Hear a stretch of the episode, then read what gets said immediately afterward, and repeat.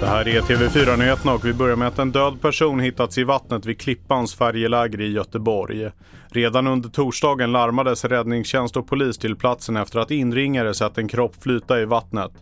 En sökinsats genomfördes men avslutades utan något resultat. Men under fredagen larmade återigen förbipasserande om att en kropp låg i vattnet. Kroppen har nu tagits upp men är ännu inte identifierad. Och till Danmark där en svensk har gripits efter ett falskt bomblarm på Köpenhamns flygplats Kastrup under förmiddagen.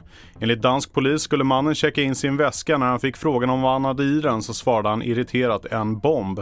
Efter det spärrades terminal 2 av på flygplatsen. Enligt mannen så var det ett skämt.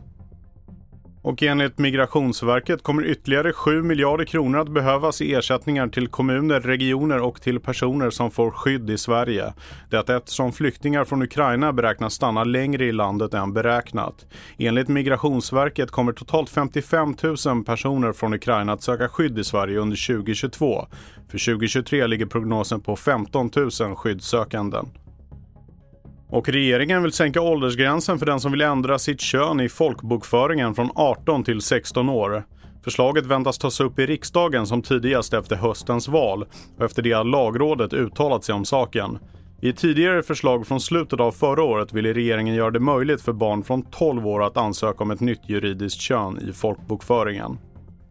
Och intresset för att ge sig ut i Europa på tågluff har stigit kraftigt den senaste tiden. Under perioden januari-juni har det sålts över 17 000 Interrail-kort i Sverige enligt företaget Silverrail.